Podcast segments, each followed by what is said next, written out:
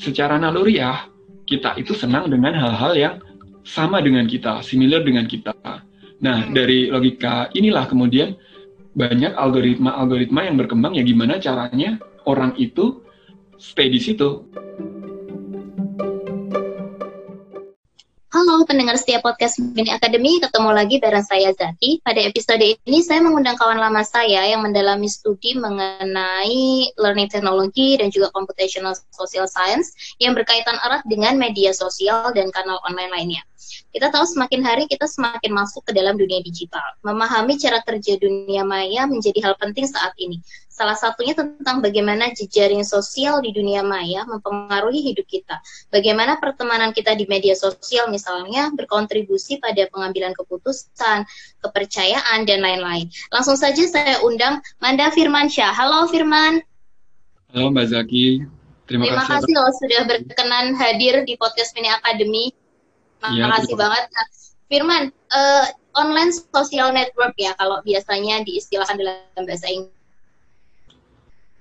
Atau kalau aku uh, boleh dalam bahasa Indonesia jejaring sosial di dunia maya. Bisa dijelaskan nggak apa yang dimaksud dengan online social network ini? Batasannya seperti apa? Oke, barangkali sebelum menjawab itu kita ngebahas dulu tentang sebenarnya apa itu social network ya. Jadi social network itu sebenarnya adalah sebuah jargon yang digunakan para ilmuwan sosial untuk mendeskripsikan relasi antar individu.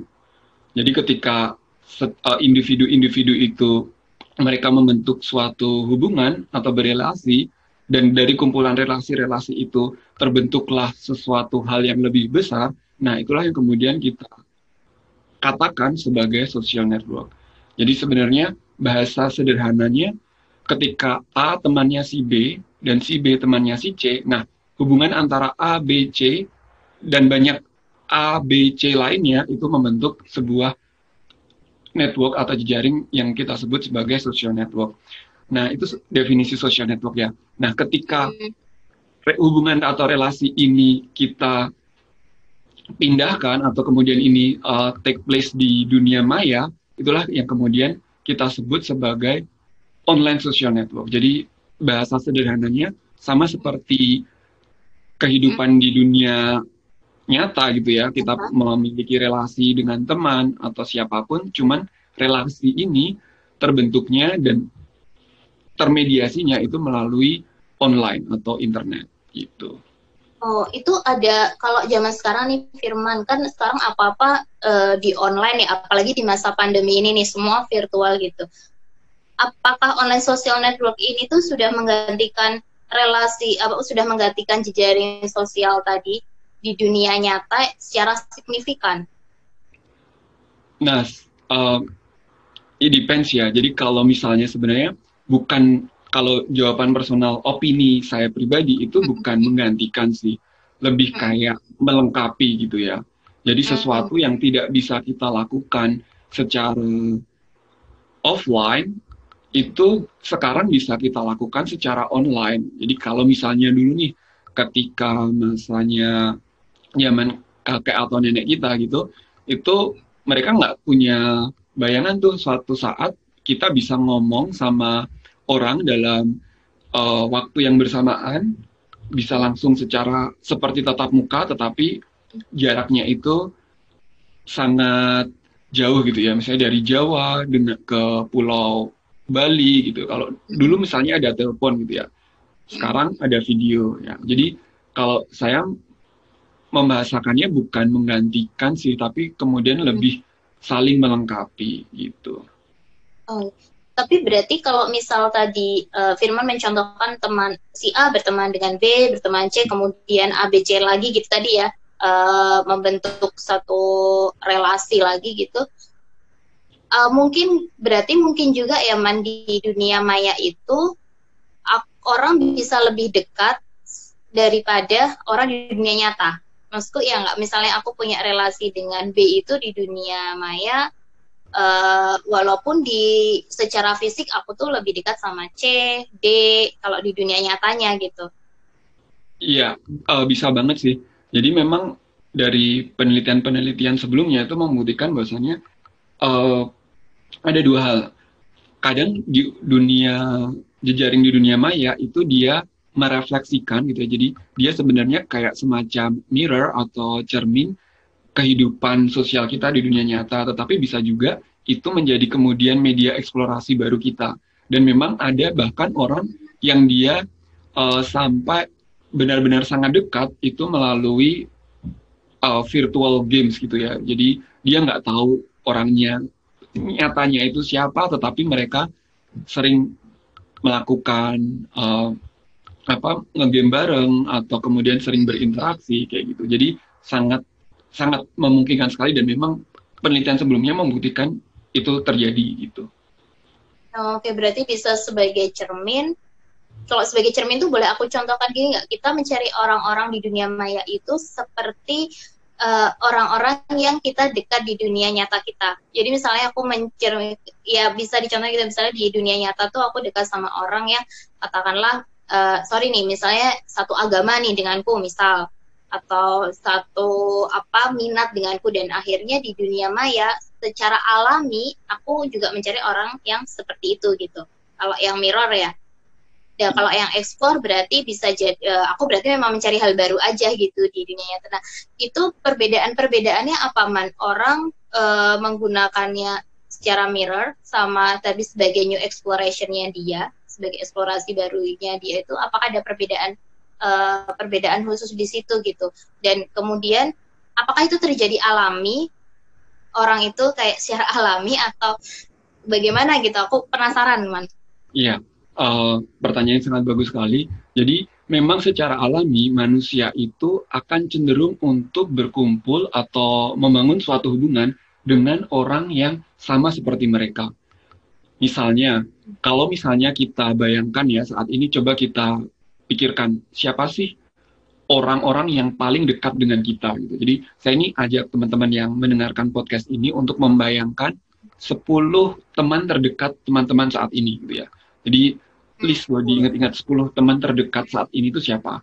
Definisi teman dekat itu bisa didefinisikan sebagai orang yang dengan nyaman kita bisa mendiskusikan hal personal tanpa harus ada rasa nggak enak atau basa-basi. Nah, itu mungkin bisa menjadi hmm. definisi untuk teman dekat. Nah, dari 10 orang tersebut, hampir bisa dipastikan mereka adalah orang yang secara suku bangsa, agama, dan politik itu sama seperti kita.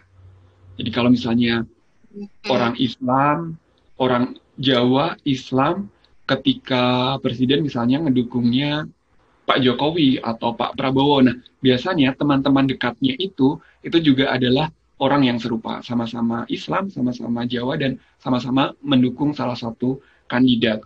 Itu memang terjadi secara alami seperti itu. Jadi istilahnya kalau di psikologi itu kita mengenal yang namanya similarity attraction. Jadi memang hmm.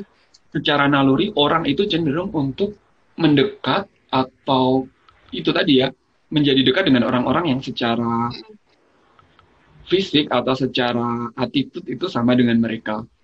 Nah, ketik kenapa ini bisa terjadi kalau uh, para sosiolog gitu ya mereka berargumentasi ini nggak cuma masalah selera ya, tidak hanya masalah selera atau tidak hanya masalah kecenderungan individu, tetapi juga didukung oleh struktur sosial. Jadi misalnya kalau zaman dulu, bagaimana saya bisa berteman dengan orang dari Papua misalnya, kalau saya tinggal di Jawa, karena kebanyakan karena saya tinggal di Yogyakarta, kebanyakan lingkungan saya itu adalah orang Jawa, bukan orang Papua.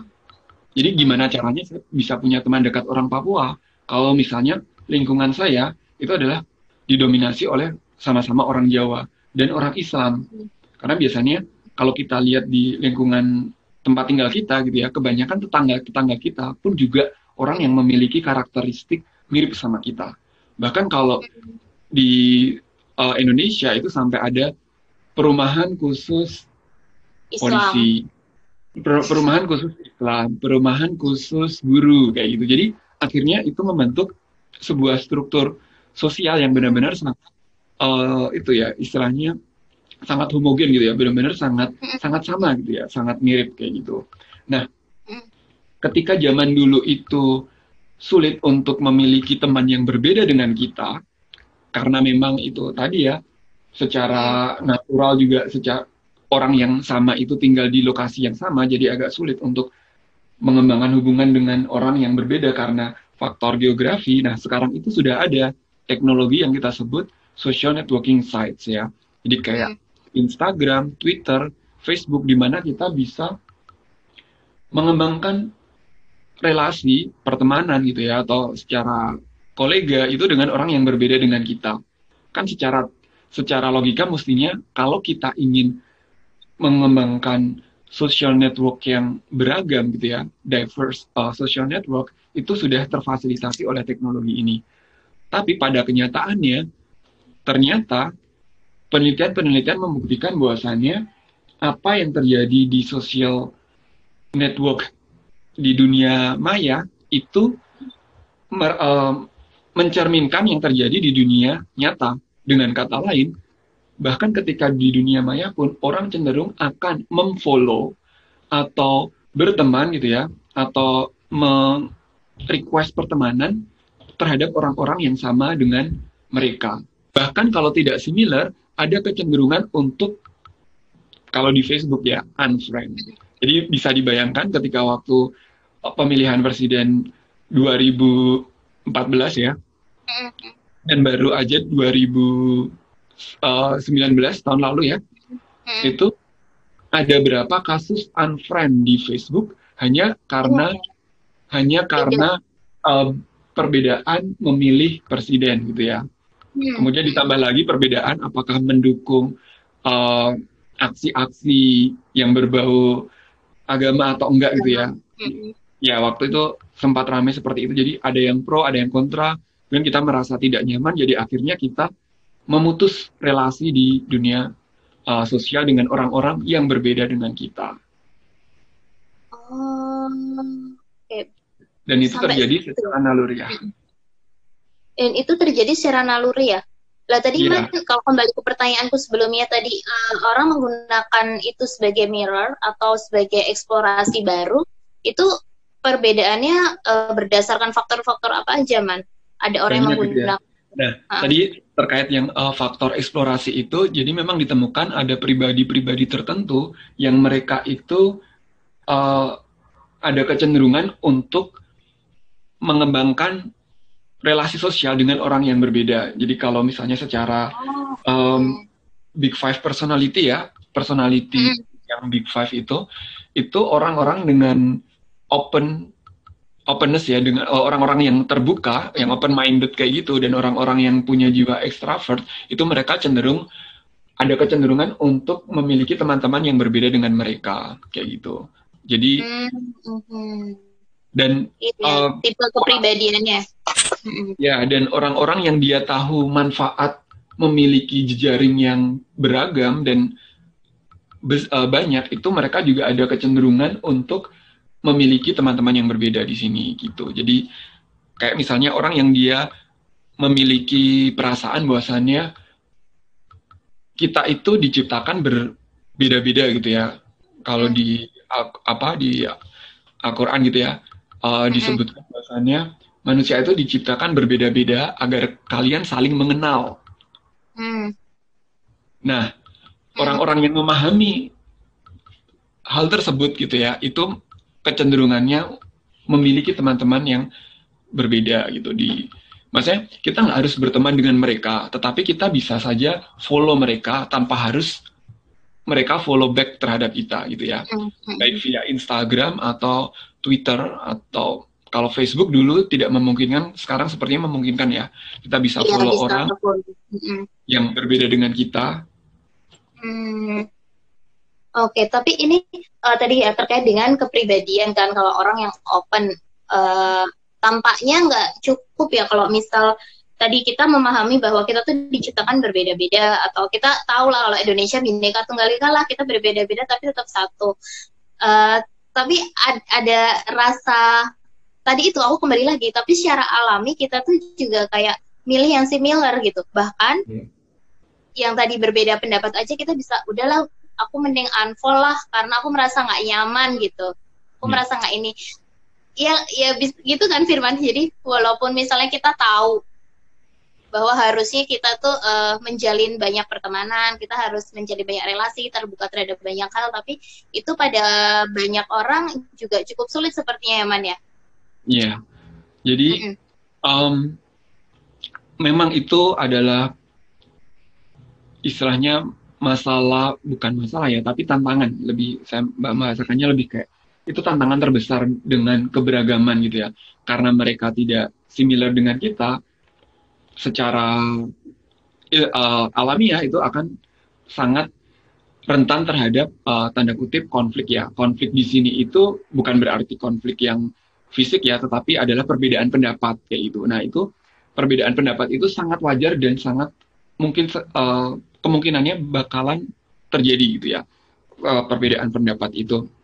Nah ada kecenderungan manusia itu memang tidak suka hal seperti itu karena kalau Gak kita nyaman ya nggak nyaman kalau kita tilik dari eh, teori-teori psikologi itu tuh jadi kayak semacam bisa disonansi kognitif, kemudian uh, ada perasaan kayak kita itu semacam di apa ya uh, dipanis gitu ya karena kita meyakini sesuatu yang tidak diyakini sama orang lain gitu. Jadi akan lebih enak ketika kita uh, berteman dengan orang yang meyakini hal yang sama. Jadi belief kita itu dikonfirmasi sama orang-orang gitu. Jadi kayak yaitu balik lagi ya uh, konformitas kayak gitu. Hmm. Dan hmm, belief kita dikonfirmasi sama orang. Uh -uh. Dan balik lagi uh, terhadap uh, berbicara tentang personality, jadi orang-orang yang dia optimis gitu ya, orang-orang yang dia optimis itu ada kecenderungan untuk memiliki social network yang beragam juga. Karena orang-orang optimis ini ketika coping ya, ketika dia memiliki masalah, itu mereka lebih pendekatannya ya kita nih harus kita tahu bakal ada masalah, tapi saya optimis untuk mendekatinya, mendekati masalah ini ya dan menyelesaikannya. Nah, sementara orang-orang dengan pribadi pesimis itu kecenderungannya untuk udahlah menghindari. saya lebih baik menghindar aja. Maksudnya yang penting adem, ayam, tentram, nggak ada konflik, nggak ada argumentasi, udahlah nggak apa-apa, saya ngalah aja, udah saya menghindar saja. Nah, biasanya itu yang kemudian menjadi kita eh, orang-orang yang tidak sependapat dengan kita daripada misalnya gitu ya merusak timelines kita di Facebook atau di Instagram lebih baik di blog atau di unfriend ya semacam seperti itu. Oke okay, oke. Okay. Dan mungkin itu jadi lebih mudah dilakukan daripada di dunia nyata ya. Maksudnya dunia nyata kalau misalnya kita tetanggaan dan sebelah kita beda pendapat kan kita ketemu juga tiap hari gitu. Yeah. Di masjid juga ketemu nggak dan di dunia maya tuh kayak gampang banget gampang menjalin pertemanan baru tapi juga akhirnya kita gampang untuk lost juga gampang untuk kehilangan uh, pertemanan juga nah ini menarik Firman berarti kalau kayak gitu sangat mungkin terjadi bias dong kalau ya. kita hanya melingkupi diri kita dengan orang-orang yang sepemikiran misalnya similarity tadi gitu Benar dan sekali. aku membayangkan di, di dunia maya berarti mungkin makin luas lagi biasanya daripada di dunia nyata yang dulu nggak ada teknologi karena kan informasi begitu kenceng banget nih di mana-mana ada gitu gimana ya. teman? Ya benar sekali jadi itu adalah salah satu uh, dampak negatifnya ya ketika orang-orang di dunia maya di mana kita mengembangkan jejaring sosial itu adalah orang-orang yang sama dengan kita jadi kalau di uh, dunia sosial kita menyebutkan fenomena tersebut itu sebagai echo chambers ya. Jadi kayak uh, sebuah kamar yang itu me mengeko ya, meng menggemakan keyakinan kita. Jadi seolah-olah apa yang kita yakini itu pasti benar dan satu-satunya kebenaran yang ada. Kenapa? Karena orang-orang di sekitar kita juga memiliki keyakinan yang sama. Jadi akhirnya orang-orang yang seperti itu akan cenderung menilai kehidupan gitu ya, melihat sesuatu tuh hanya hitam dan putih saja gitu. Perspektifnya tuh cuma satu gitu. Jadi dia tidak dia kemungkinan akan sangat sulit menerima kebenaran lain gitu. Jadi hmm. kan uh, apa yang kita anggap benar belum tentu itu pasti benar gitu loh. Maksudnya kita tuh nggak nggak kehidupan gitu ya. Semakin ke sini tuh nggak se nggak sehitam putih itu gitu loh nggak kemudian apa kalau misalnya kita uh, bawa contoh film uh, Avenger gitu ya itu nggak maksudnya ak akhir-akhir film Avenger itu nggak kemudian hero lawan uh, villain ya nggak nggak nggak kemudian penjahat ngelawan pahlawan gitu tapi lebih mereka sebagai penjahat pun mereka juga punya tanda kutip uh, punya reason tersendiri kenapa mereka melakukan itu kayak Thanos gitu kan rasa dunia ini tidak adil jadi perlu ada semacam reformasi kayak gitu. Nah kalau balik lagi ke tadi yang dunia nyata ketika ketika semua di sekeliling kita memiliki orang yang sama ya udah kita bakalan uh, susah untuk tahu gitu ya sebenarnya kehidupan atau perspektif lain itu seperti apa. Itu tadi karena ada echo chambers atau juga orang uh, menyebutnya itu filter bubble ya. Jadi kayak ya udah karena kebanyakan kita misalnya saya mendukung Pak Jokowi, kebanyakan orang di sekeliling saya mendukung Pak Jokowi, berita-berita yang saya baca di timeline saya itu kebanyakan menjelek-jelekan Pak Prabowo misalnya gitu. Dan sebaliknya ketika saya mendukung Pak Prabowo, Pak Prabowo kebanyakan yang uh, berita yang disebar di uh, timeline saya itu orang-orang yang menjelekkan Pak Jokowi. Jadi itulah kenapa itu ya apa namanya hoax, uh, berita-berita uh, fake news kayak gitu. Kenapa beredar dan sangat sulit dibasmi ya karena ya itu tadi orang-orang di sekelilingnya menyebar hal yang sama dan itu adalah orang-orang yang important buat kita yang secara personal itu dekat dengan kita dan ada kecenderungan kan orang yang dekat dengan kita tuh kita lebih mudah percaya daripada orang yang kurang kita kenal kayak gitu.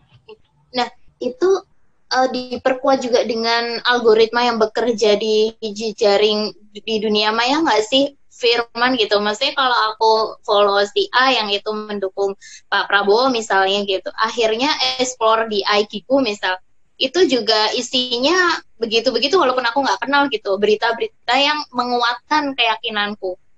Iya. Gitu. Nah, mm -mm.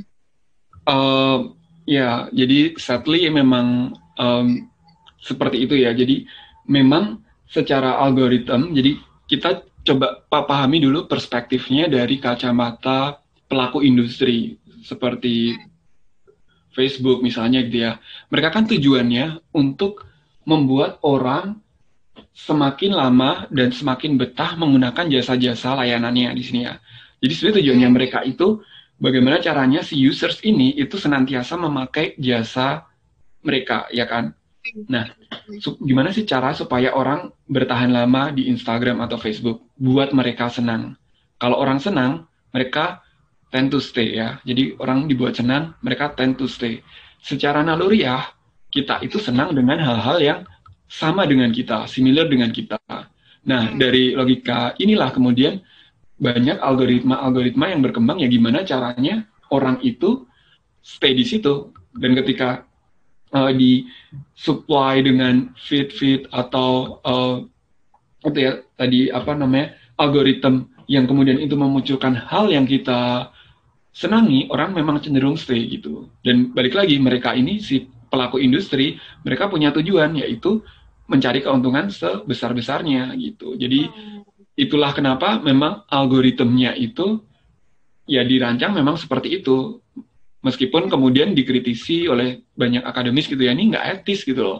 Yang kalian lakukan ini nih jahat gitu ya untuk uh, untuk masyarakat dan dunia gitu. Jadi kayak kasusnya uh, pengungsi Rohingya di Myanmar itu, mm -hmm. itu kan juga seperti itu kan. Kenapa mereka benci dengan or, dengan et, uh, di etnis Burmis gitu ya mereka benci dengan orang-orang yang berbeda dengan mereka ya karena itu tadi teman-teman mereka di Facebook adalah orang yang serupa dengan mereka dan mereka hanya membagikan hmm. berita-berita yang mereka percaya itu benar dan yang mendiskreditkan suku bangsa tertentu. Oh, wow. Ber berarti itu uh, tergantung siapa yang bisa mengkampanyekan secara besar-besaran juga ya eh, paham-paham tertentu dan seba uh, sebaiknya dia bisa masuk ke banyak kelompok supaya begitu ada satu kelompok atau satu golongan tertentu yang dia percaya sesuatu uh, maka udahlah dapat satu satu rangkaian algoritma setelahnya gitu kalau misalnya tim kampanye tertentu untuk berbagai paham ya Mas, campaign untuk paham apa pun. Tapi berarti juga bisa digunakan secara positif ya Man. Aku membayangkannya kalau aku punya jualan bisnis nih online uh, atau apa gitu. Berarti kan in, sangat diuntungkan tuh kalau orang punya jualan sesuatu dan akhirnya dia dapat customer, customernya itu pasti akan uh, tertarik dengan online jualan-jualan serupa juga gitu. Iya, iya itu balik lagi ya ini kan sebenarnya ini hmm. adalah means ya, adalah sarana, adalah alat. Jadi mau dipakai buat yang positif bisa, buat yang negatif juga bisa. Oke, berarti kalau uh, boleh dibilang tadi kan aku me, me, apa ya, mengulang tadi kata-kata akademisnya bahwa ini jahat secara etika memang untuk situasi tertentu ya man ya tapi kemudian kita penggunanya adalah yang kalau memang ada banyak hal positif yang bisa kita bagikan gitu berarti kita yang harus berjuang sebagai pengguna kita yang harus berjuang di situ gitu berjuang untuk mengkampanyekan hal-hal yang menurut kita positif atau kalau ada keberagaman kita juga support itu gitu keberagaman yang uh, sehingga orang mendapatkan informasi itu macam-macam gitu kira kira-kira. Iya. Dan nah, memang Firman, Hah? sorry. Silahkan, uh, silahkan. Oh ya, jadi memang penelitian-penelitian uh, recently gitu ya, jadi penelitian-penelitian semakin ke sini itu membuktikan bahwasannya memang keberagaman itu sulit gitu ya, maksudnya bukan perkara yang mudah. Masih konteks di Indonesia menyatukan satu uh, apa beribu beribu suku bangsa menjadi satu entitas Indonesia itu adalah PR yang sangat sulit gitu, sangat tidak mudah. Tetapi dengan kesulitan tersebut ternyata dampak dan hasilnya itu besar dan positif gitu. Jadi kayak memang ada banyak penelitian yang membuktikan dengan semakin banyak keragaman gitu ya, itu berkorelasi positif dengan inovasi gitu. Jadi kenapa sih kenapa perusahaan-perusahaan saat ini sangat mengencarkan gitu ya? Oh kita harus lebih beragam secara suku bangsa, kemudian secara uh, secara suku bangsa, kemudian secara political ideology kayak gitu ya karena memang ada korelasi di situ korelasi terhadap uh, menunjang inovasi kayak gitu. Terus orang yang memiliki beragam social network itu juga terbukti mereka lebih kreatif. Lebih kreatif dan lebih mudah mendapatkan pekerjaan. Biasanya orangnya juga lebih lebih uh, wise ya lebih lebih bijak dan lebih toleran. Tidak sedikit-sedikit mengejudge kalau tidak benar maka salah kayak gitu. Jadi memang ada uh, penelitian-penelitian mutakhir gitu membuktikan hal tersebut. Jadi kemudianlah terlahir banyak uh, inisiatif bagaimana kita bisa membuat masyarakat kita yang ber uh, berbeda-beda ini itu mengembrace gitu ya, me, merayakan perbedaan tersebut gitu. Hmm, oke oke ini ini menarik ini. Uh, jadi pada akhirnya semua itu tergantung kepada kita sendiri ya bagaimana kita me menyikapinya dan juga bagaimana kita turut serta berkontribusi agar ini tuh nggak jahat-jahat banget itu tadi. Maksudnya agar ini tidak kemudian uh, apa ya berlangsung secara alami bakalan orang selalu hanya selalu berada di echo chamber tadi gitu. Hanya berada di kamar yang menggemakan sesuatu yang sama. Makanya harus ada inisiatif-inisiatif tertentu yang memberikan kamar-kamar yang lain dan membuka pintu kamar itu kira-kira kan uh, seperti itu ya Firman. Nah oke okay, Firman terus uh, kalau tadi Firman mengatakan bahwa ya kita nggak apa-apa untuk explore ya untuk apa namanya uh, menggunakan sosial media itu ketemu relasi-relasi yang baru. Tapi kadang kan ada ketakutan nih man tadi itu kalau kita harus berteman dengan yang berbeda atau kita mengikuti orang-orang beda pendapat dan ada ketakutan takut misal misal yang dalam hal yang paling mendasar kan keyakinan ya agama misal atau ya punya hal-hal yang paling fundamental lah gitu. Nah, jadi uh, itu sangat fundamental ya dan kalau di Indonesia hal-hal seperti itu sangat sensitif. Dari kecil kita diajarkan misalnya untuk sebagai seorang Islam ya kita bertemannya dengan orang-orang yang Islam saja gitu ya. Jadi ada semacam ketakutan kalau misalnya kita berteman dengan orang-orang Kristen atau Katolik, hmm. nanti mereka akan mengajak kita untuk mengikuti agama mereka. Nah, padahal uh, penelitian membuktikan enggak seperti itu loh.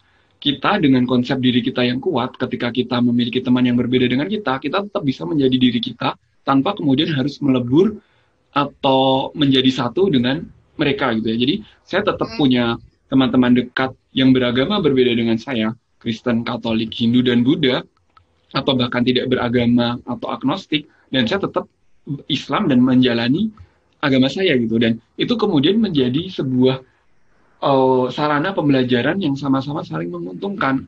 Mereka, hmm. menurut mereka itu tidak make sense gitu ya. Firman kamu sudah belajar, uh, masih kamu sudah sampai sekolah S2 di negara lain, tidak di Indonesia, tapi kenapa kok kamu masih sholat sih? Kenapa kok kamu masih tidak minum alkohol sih gitu? Buat mereka itu nggak make sense gitu loh. Apa yang salah dengan alkohol orang? Kalau kamu minum dikit itu kamu tidak bakalan mabuk kayak gitu. Nah, kemudian dari situ saya bisa menjelaskan bahwasanya ya ini karena keyakinan saya. Hmm. Karena di sini juga saya menjadi belajar gitu loh, bisa menjadi belajar. Kalau misalnya kayak gitu, beberapa orang menjawabnya, oh iya kalau misalnya kita uh, tidak makan babi atau tidak minum alkohol itu karena babi mengandung cacing pita, minum alkohol itu bisa membuat mabuk kayak gitu. Kita mencoba merasionalisasikan merasionalisasikannya dengan seperti itu. Nah, kalau saya biasa jawabnya adalah ya karena memang ini sudah tertulis di agama yang saya yakini benar ya kemudian saya menjalaninya gitu. Kemudian kalau itu ada rasionalisasi-rasionalisasi itu adalah sebuah konsekuensi dari apa yang saya yakini gitu. Bukan karena rasionalisasi tersebut kemudian saya menjalani, enggak.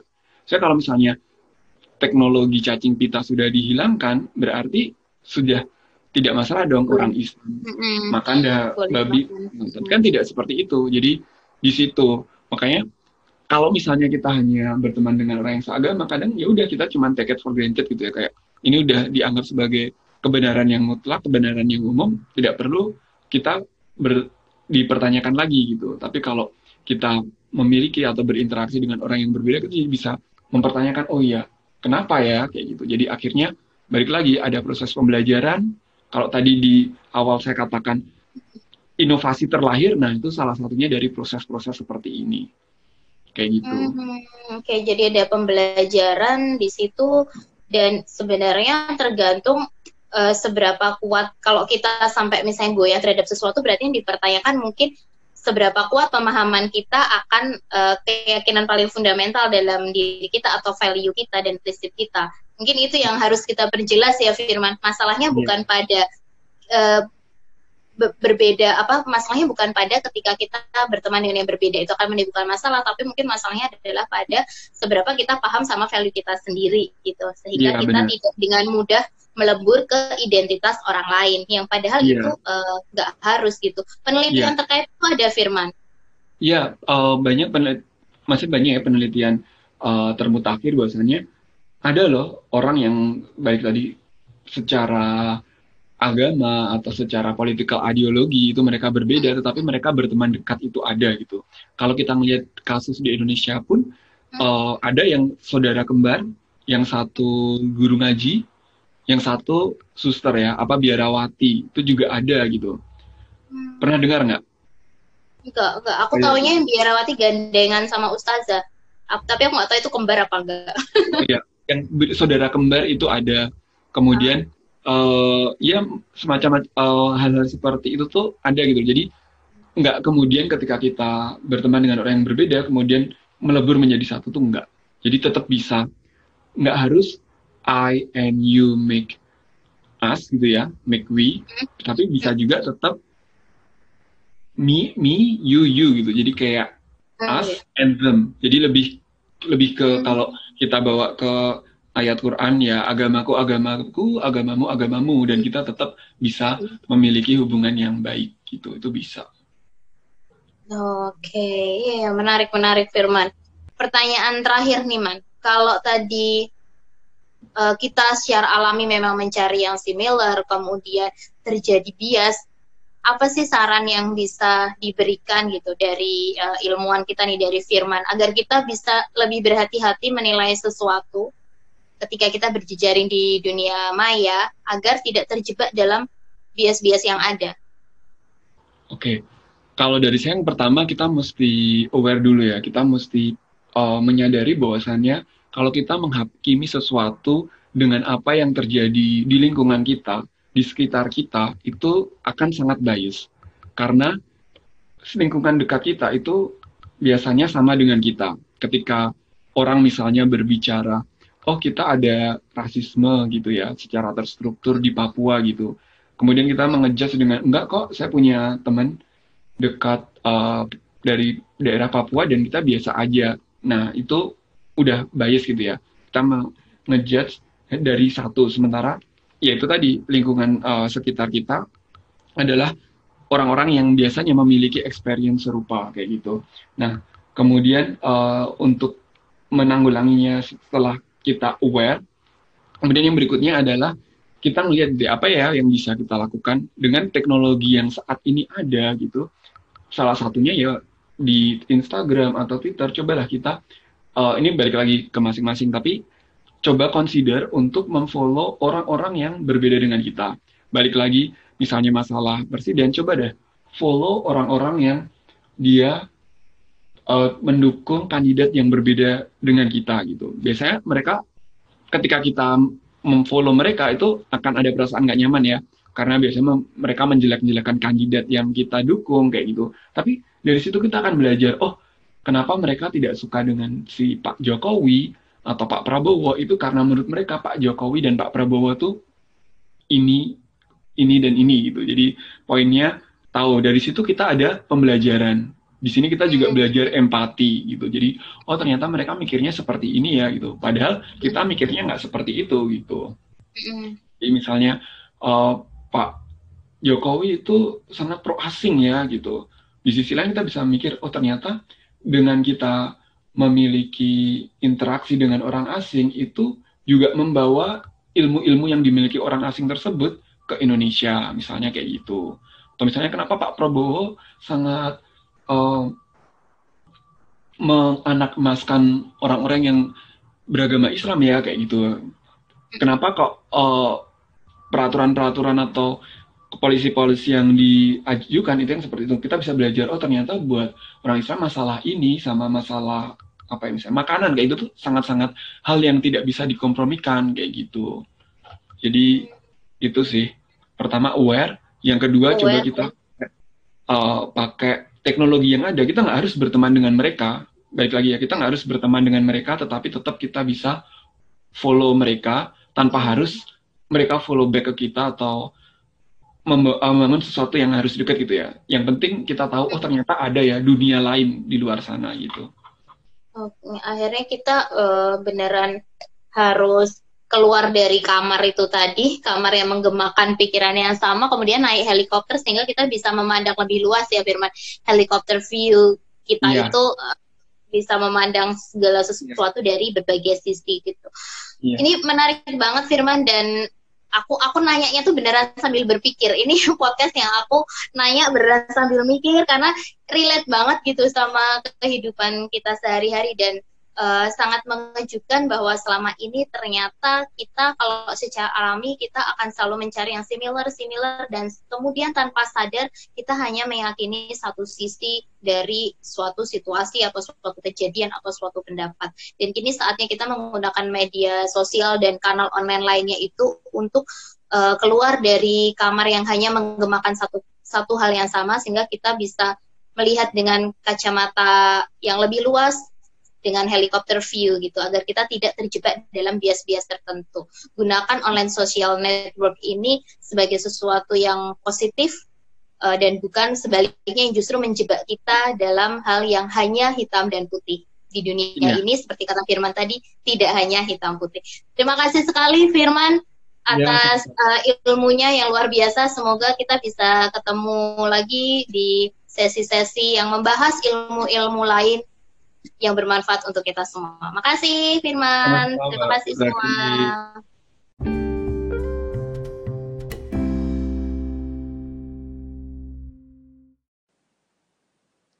Demikian seri podcast kali ini. Jangan lupa follow Instagram kami miniacademy dan kunjungi website miniacademy.id.